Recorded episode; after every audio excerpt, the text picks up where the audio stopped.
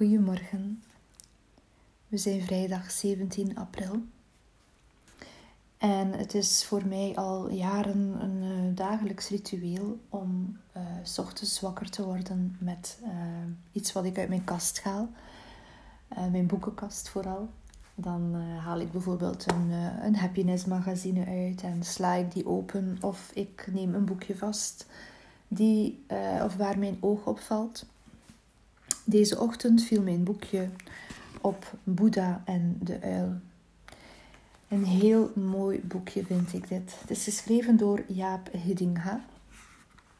En het kan eigenlijk, het is zo synchroon, uh, als ik de inleiding van het boekje lees, is het zo synchroon met waar we nu op dit moment in zitten.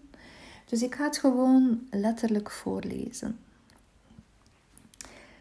Het leven op aarde kent veel uitdagingen.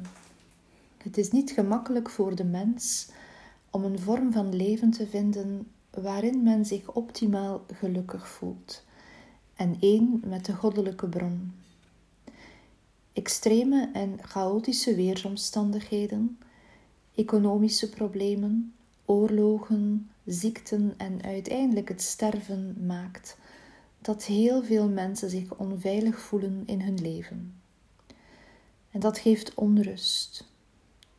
In deze spanning gaat men denken over het leven en vergroot men de angst die men heeft door dingen te bedenken die er eigenlijk niet zijn. We kennen het spreekwoord: de mens lijdt het meest door het lijden dat men vreest. Zeker, er zijn heel veel problemen in de wereld. Maar is het niet het beste om te proberen hiermee om te gaan op het moment dat het ons werkelijk overkomt? Er zijn immers veel mooie dingen in het leven die men ook ondergaat. In mijn vorige boek Voorbij de illusie heb ik getracht iets aan te geven over de stress, de angst en het lijden, maar ook over de verleidingen en genietingen van het leven en hoe deze ons vasthouden. Het is echter niet iets wat alleen maar in deze tijd voorkomt. Dat de mensheid al eeuwen met deze vragen worstelt, wordt duidelijk als we de oude overleveringen en heilige boeken onderzoeken.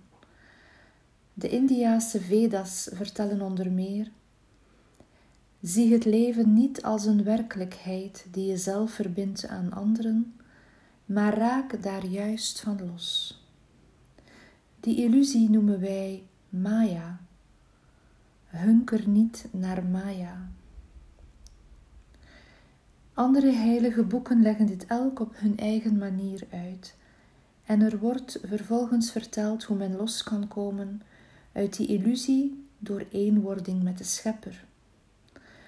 Ook zijn er veel verlichte mensen geweest die de mensheid willen helpen om los te komen van de aardse gedachten en het verlangen naar iets wat niet bestaat, en los te komen van het lijden.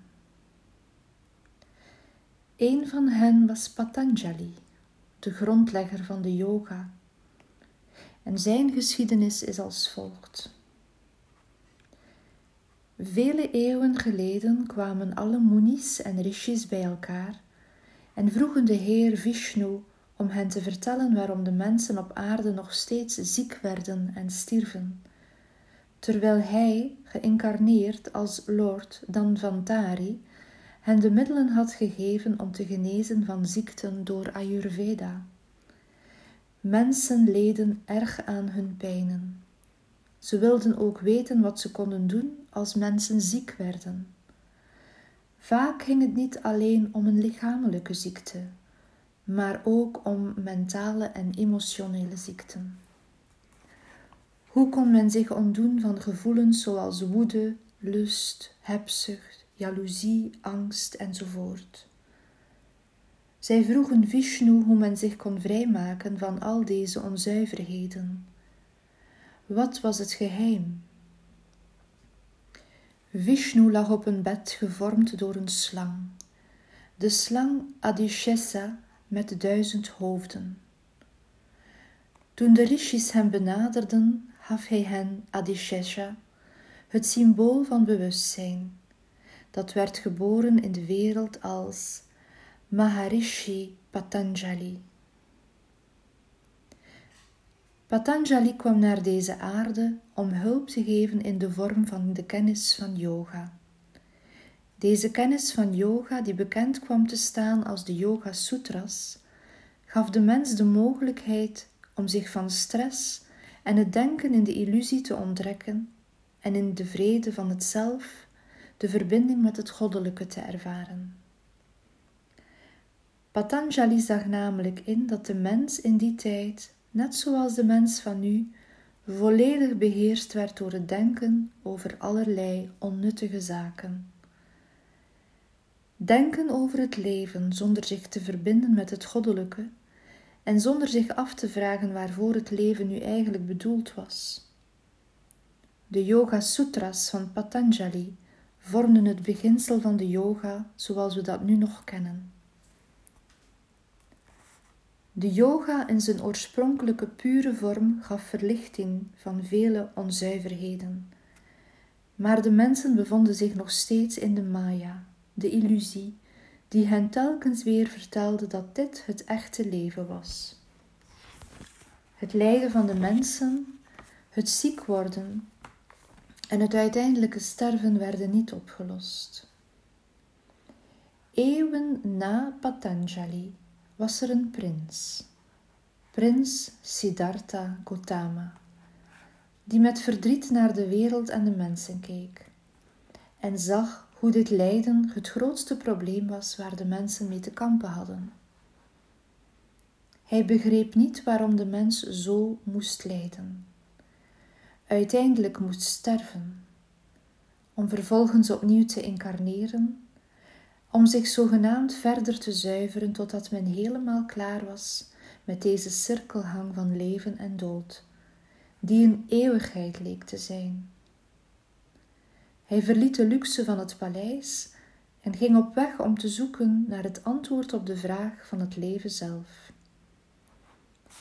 Tijdens deze zoektocht ontdekte hij vele dingen, totdat hij op een gegeven dag een inwijding kreeg in het onderwerp waar hij zo mee bezig was.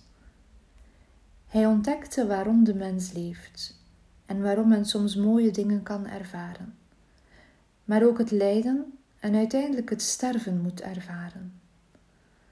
Hij ontdekte ook hoe de ziel van de mens gevangen zit in de Maya, de illusie, om daarin telkens weer opnieuw geboren te worden en opnieuw dat lijden te ondergaan. De verlichtingservaring van de prins, die later als de Boeddha door het leven ging, staat bekend als de openbaring van de vier nobele waarheden. En dit werden de grondbeginselen van het boeddhisme. Wat het boeddhisme inhoudt en wat het voor vele mensen betekent, kan men in heel veel boeken lezen of ervaren in de vele boeddhistische tempels in de wereld. Dit is echter geen boek over Patanjali, yoga of het boeddhisme, want daar zijn er al heel veel van. Het is wel een diepgaand en ingrijpend verhaal over een inwijding in de werkelijke zin van het leven, in de stof op aarde. Een inwijding zoals prins Gotama en andere bewuste mensen hebben ervaren. Het is een inwijding in het losmaken van de illusies van het leven en de illusie van het leven zelf. Het is een inwijding die, wanneer ze goed begrepen wordt, de verbinding met de goddelijke bron herstelt en de mens in staat stelt om uit de Maya, de illusie van het leven en het lijden van het leven, te stappen. Maar er kwam ogenschijnlijk geen meester, guru of een groots wezen aan te pas. Dit verhaal begint met de aanwezigheid van een kleine uil.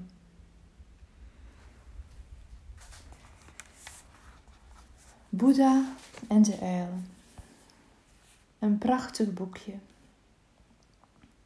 Over een uil die vertelt op een indringende wijze over de werkelijke zin van het leven op aarde.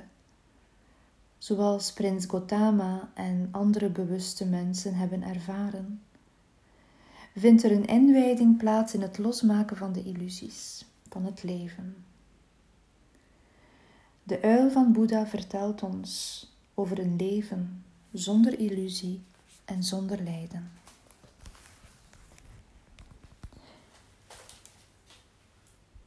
Ik zou het jullie graag aanraden om dit kleine boekje aan te schaffen. Ik zal een link plaatsen bij deze podcast. En ik zal nog een klein stukje voorlezen, niet helemaal, uit uh, het boek. Omdat het misschien toch uh, leuk is om ook naar het boek uh, te luisteren. Of toch een deeltje ervan. Want ik wil de auteur Jaap Hedinga zeker steunen om dit boekje ook aan te schaffen. Ik wens jullie een wondermooie dag toe. Geniet van de zonnestralen. Dag.